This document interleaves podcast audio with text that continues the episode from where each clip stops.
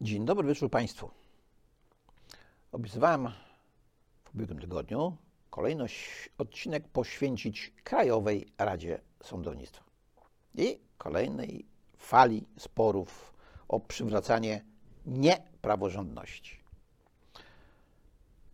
No i słowa dotrzymam. Dzień dobry wieczór. Tu Gwiazdowski mówi. Robert Gwiazdowski. A mówi Interi. Zapraszam do swojego podcastu. Znowu wiem, że być może nudzę, bo powtarzam to już któryś raz. Tylko, że pojawiają się coraz to nowe argumenty mówiące o tym, że sędziów w Polsce muszą wybierać sędziowie.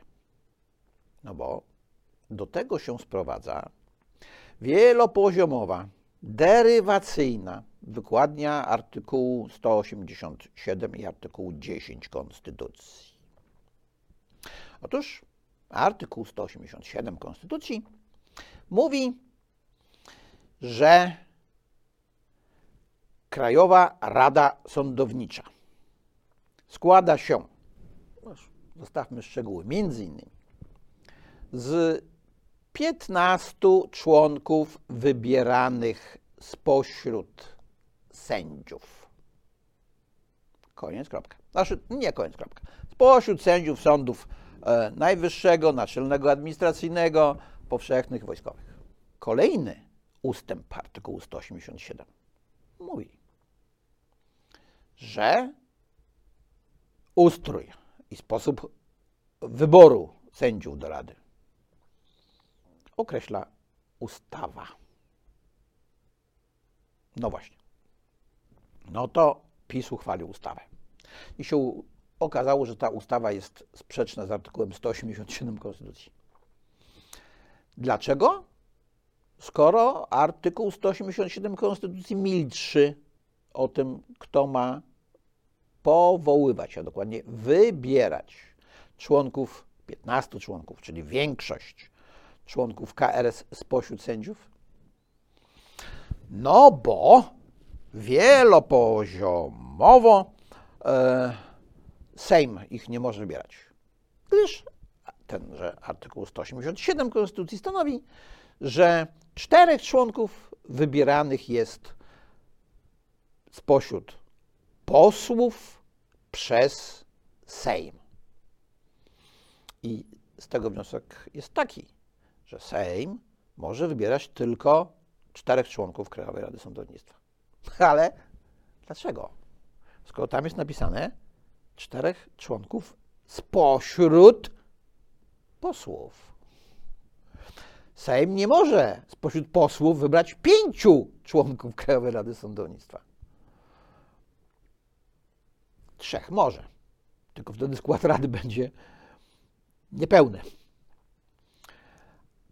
Ma wybrać czterech spośród posłów. Tak samo, podobnie jak Senat ma wybrać dwóch spośród senatorów.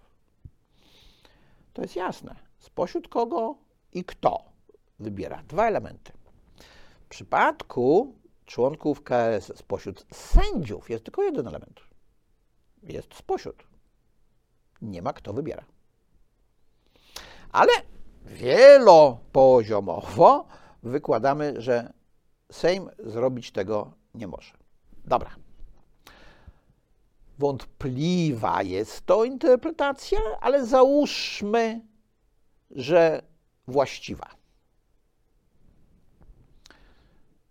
Czy ustawa może w takim razie, ta ustawa, o której mowa w artykule 187 Konstytucji, przyjąć, że wybór 15 członków Krajowej Rady Sądownictwa spośród sędziów będzie odbywał się w wyborach powszechnych?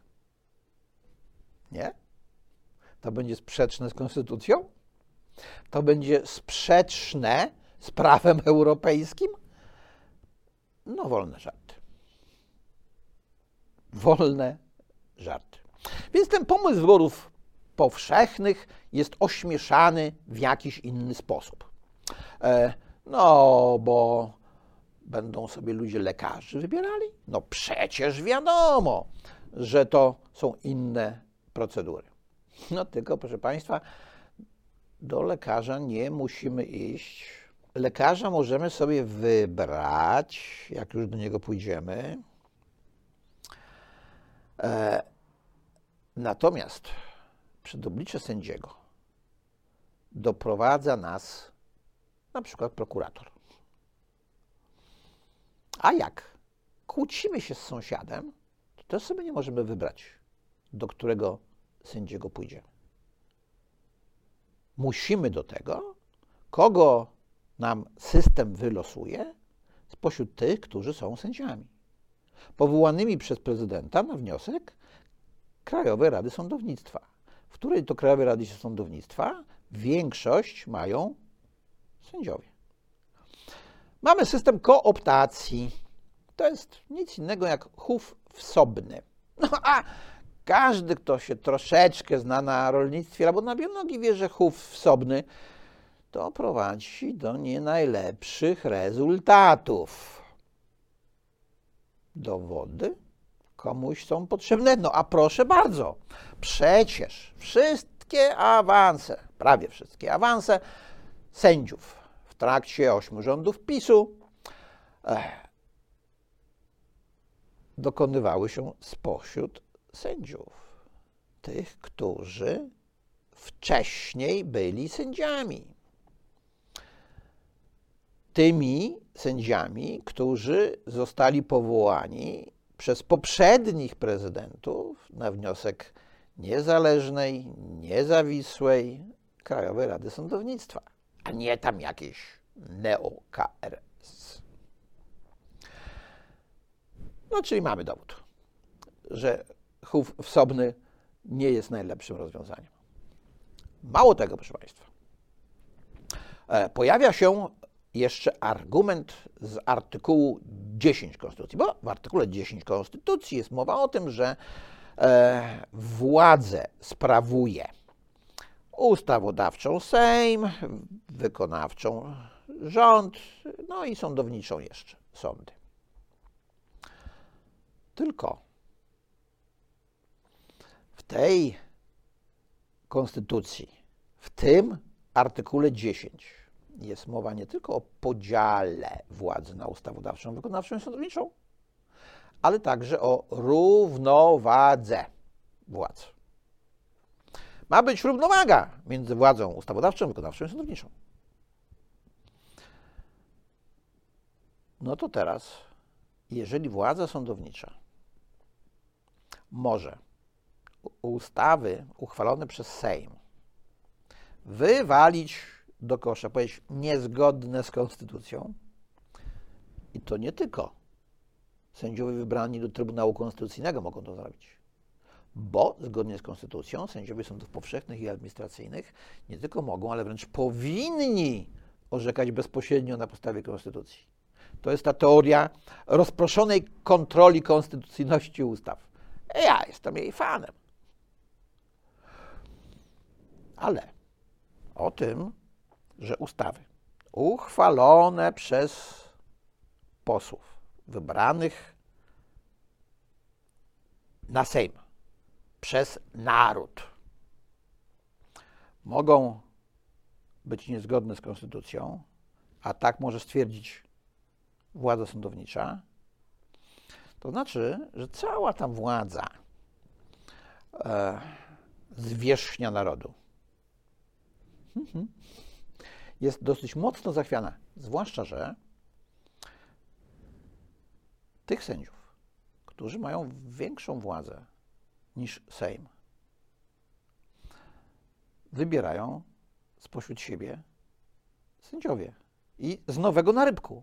To także ci sędziowie, którzy mają większość w Krajowej Radzie Sądownictwa, o tym decydują.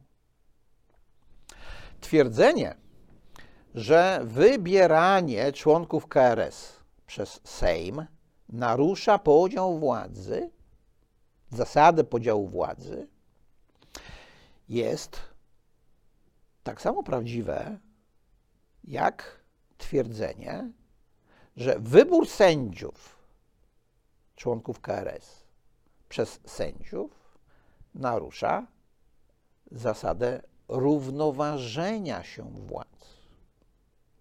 No ale mamy jeszcze jeden element w naszym demokratycznym państwie prawnym urzeczywistniającym zasady sprawiedliwości społecznej rząd.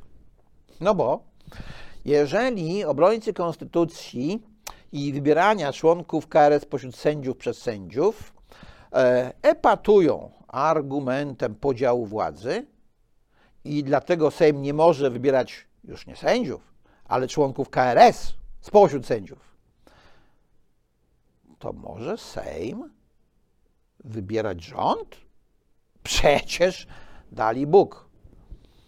Idąc tym tokiem argumentacji i takimi zasadami logiki, no to nie ma podziału władzy między władzą ustawodawczą a wykonawczą. Mało tego, tu jest już bezpośrednia zależność, bo Sejm powołuje premiera i Radę Ministrów. A w przypadku KRS to póki co Sejm powołuje członków, czy wybiera członków KRS spośród sędziów, a nie sędziów. Więc Sejm ma pewne ograniczenie w kwestii tak zwanego biernego prawa wyborczego. Wybrani przez Sejm do KRS mogą być tylko sędziowie. A ministrem może być każdy.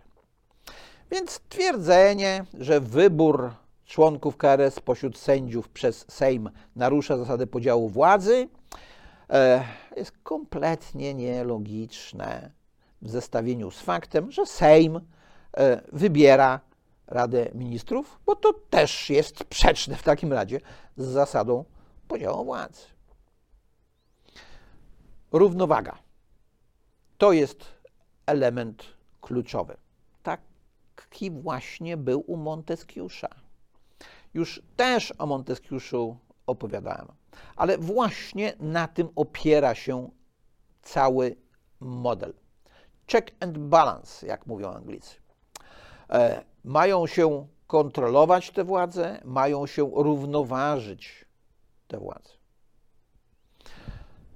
No i ciekawi mnie jedno. Jakim cudem Sejm, wybrany przez naród, chciałby narodowi odebrać władzę zwierzchnią nad władzą sądowniczą? No bo poza artykułem 187 Konstytucji, artykułem 10 Konstytucji, tutaj w grę wchodzi jeszcze artykuł 4 Konstytucji. Tam jak byk jest napisane, że władza zwierzchnia należy do narodu. No jak naród sprawuje władzę zwierzchnią w stosunku do władzy ustawodawczej, no to przekonaliśmy się 15 października. Naród powiedział e, PiSowi 8 gwiazdek. E, a jak jest sędziami, z władzą sądowniczą? Jakiż to naród ma wpływ na władzę sądowniczą, jeżeli to nie Sejm wybiera członków KRS, która to KRS wybiera, e, nie wybiera, e, nominuje e, kandydatów na sędziów, których powołuje prezydent? No nie ma żadnego. Idziemy więc ewidentnie w stronę e, tak zwanej sądokracji, a nie demokracji. Bo lud, do którego należy władza zwierzchnia, lud, naród, ja wolę jednak mimo wszystko pojęcie lud, mimo że to jest od e, ludu pracowniczego miast i wsi, ale wydaje mi się, że pojęcie naród jest zbyt zawężające, to ten lud będzie coraz bardziej ograniczany. W imię tego, że kiedyś lud wybrał sobie Hitlera. Więc teraz już mu na takie bezeceństwa pozwolić nie można. No ale proszę Państwa, wybrał sobie Trumpa, wybrał sobie Orbana, wybrał sobie Erdogana. Kaczyńskiego sobie wybrał ten lud. Odnoszę takie wrażenie, że tworzymy system, w którym sędziowie będą mogli powiedzieć, że nawet na takie bezeceństwa to lud sobie nie może pozwolić. Mamy w Starym Testamencie bardzo dobre odniesienie do władzy sędziów. No, Księga Sędziów. Czytał ktoś Stary Testament? E, naprawdę to jest bardzo fajna powieść z wieloma morałami. W Izraelu powstał problem rozdzielenia rządzenia od sądzenia. Nawet wyrazy określające to są podobne, czasami wymiennie stosowane. A nawet jak niewymiennie, to przecież sam Mojżesz, który rządził, powiedział, że on też będzie swój lud sądził. I sędziów on, jako ten, który rządzi, nad tym ludem ustanowi.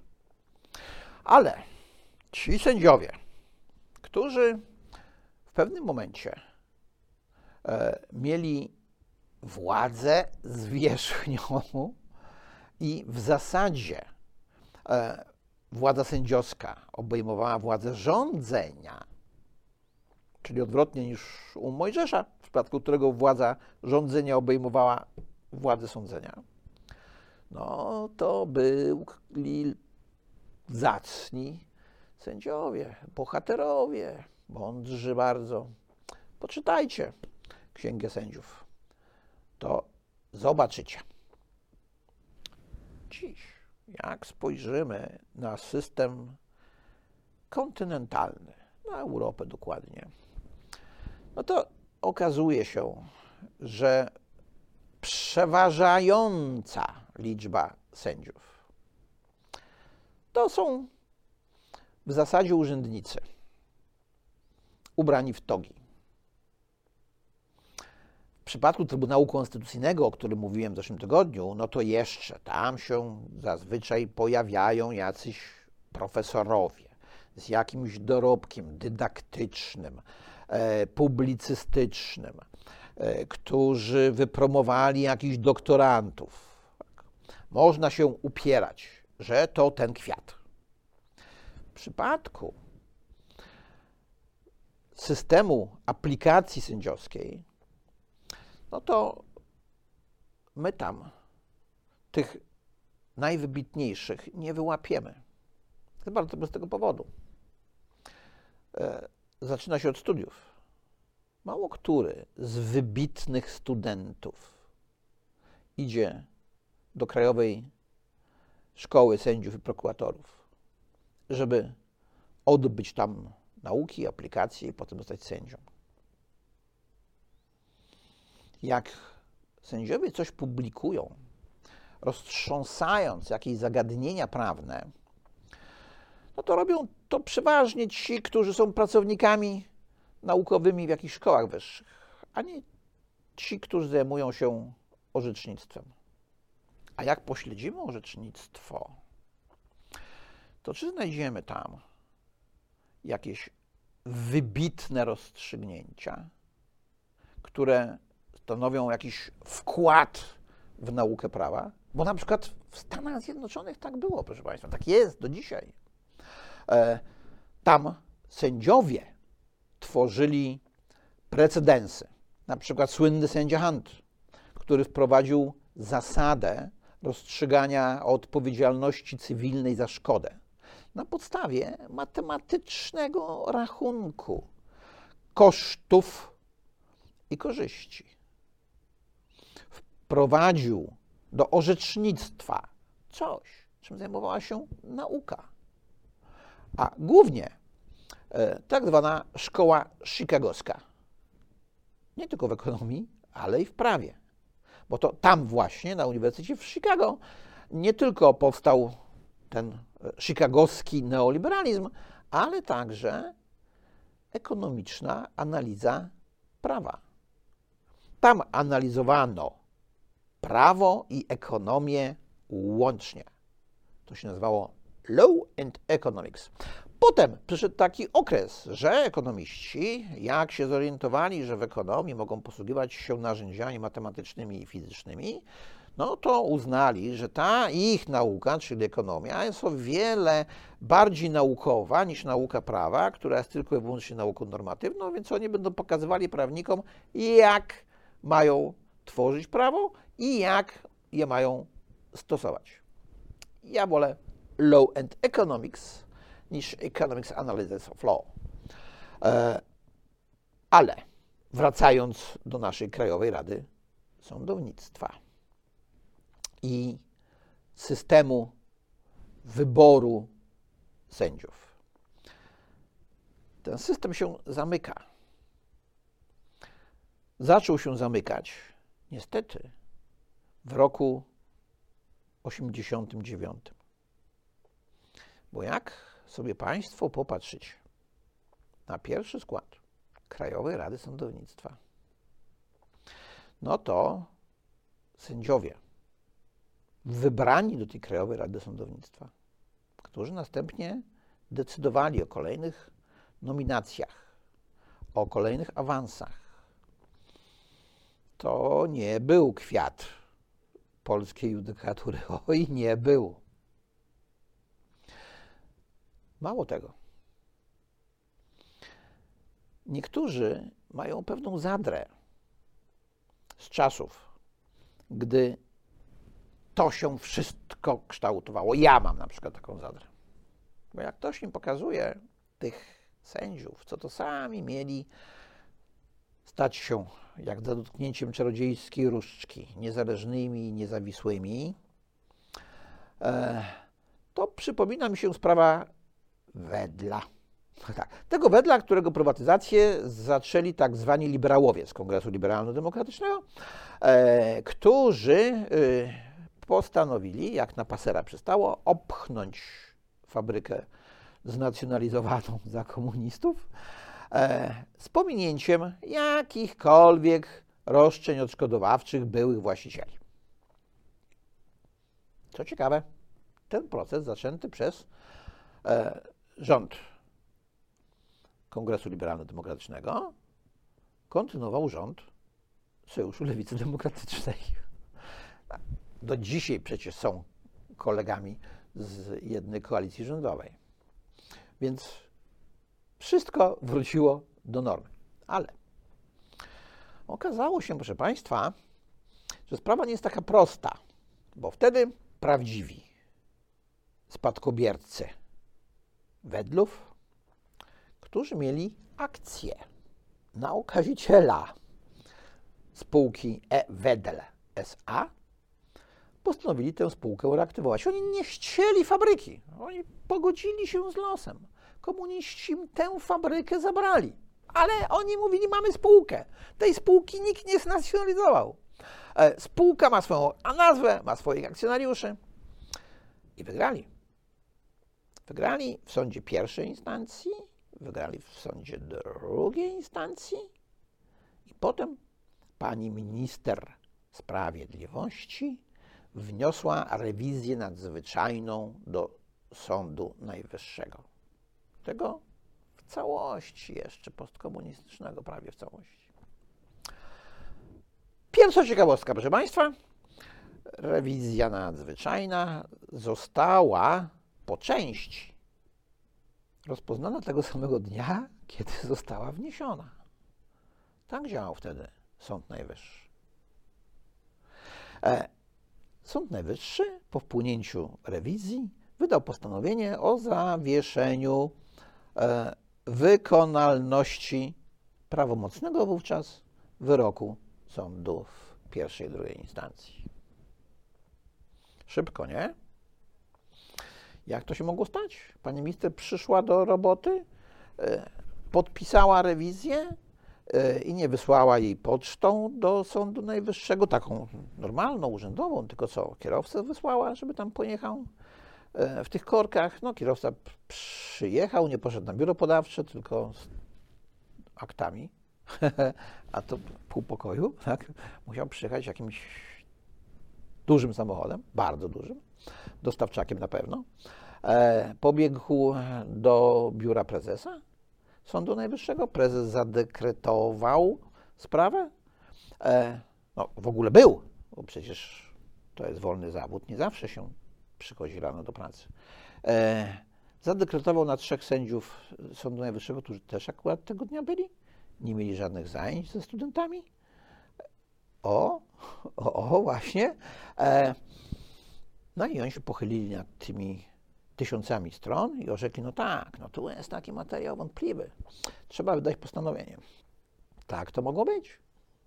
No nie, pewnie, pewnie tak nie było. E, więc e, ludzie, którzy wiedzą, jak wtedy się pewne rzeczy działy, mają dosyć ograniczone zaufanie e, nie tylko do kompetencji, ale również i do morale sędziów, którzy wtedy zaczynali kształtować e, wymiar sprawiedliwości i mieć wpływ na, na rybek, na kolejne pokolenia sędziów.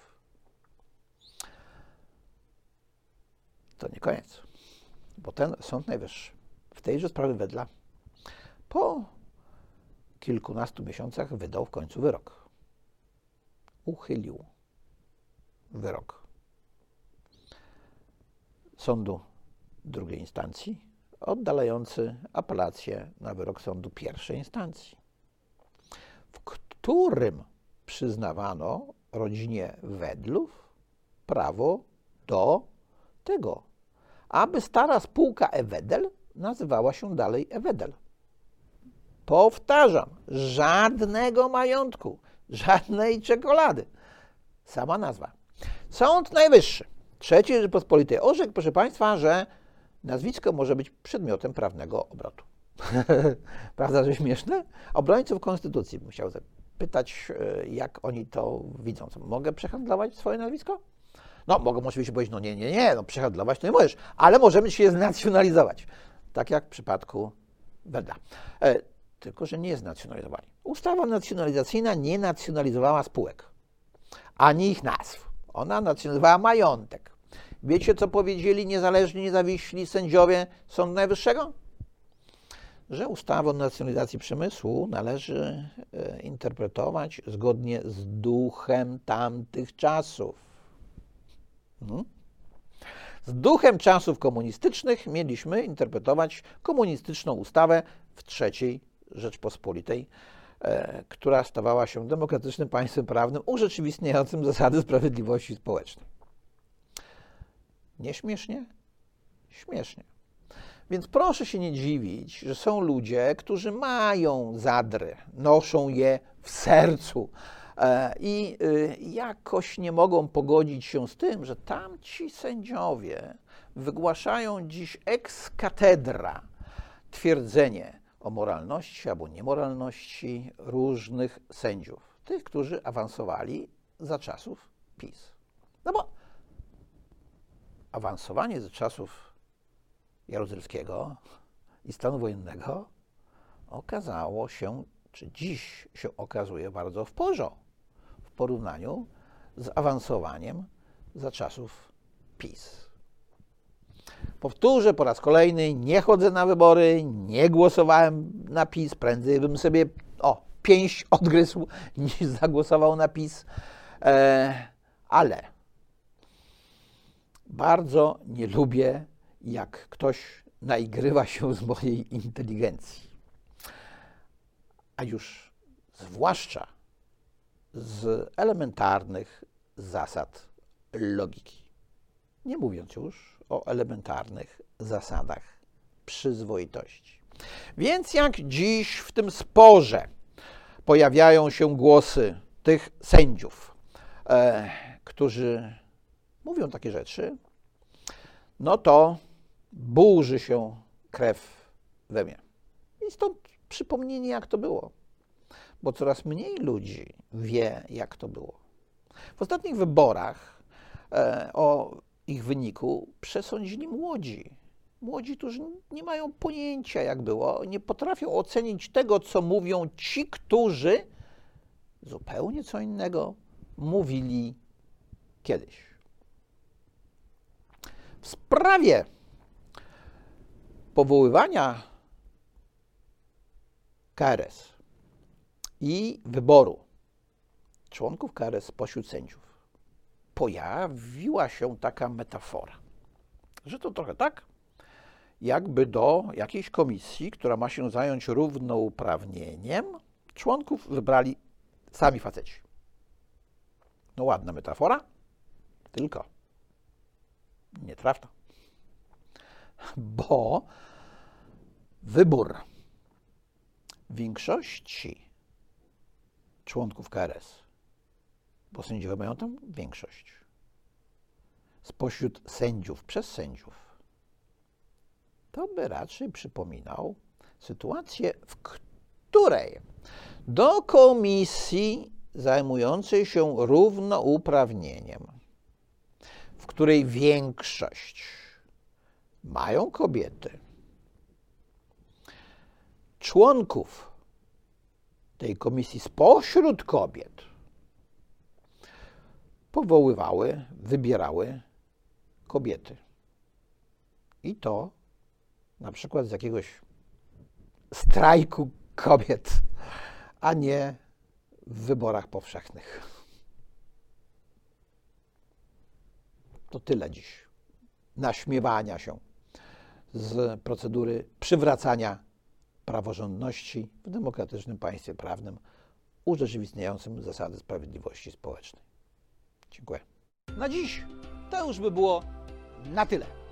Dziękuję bardzo i zapraszam na następny odcinek.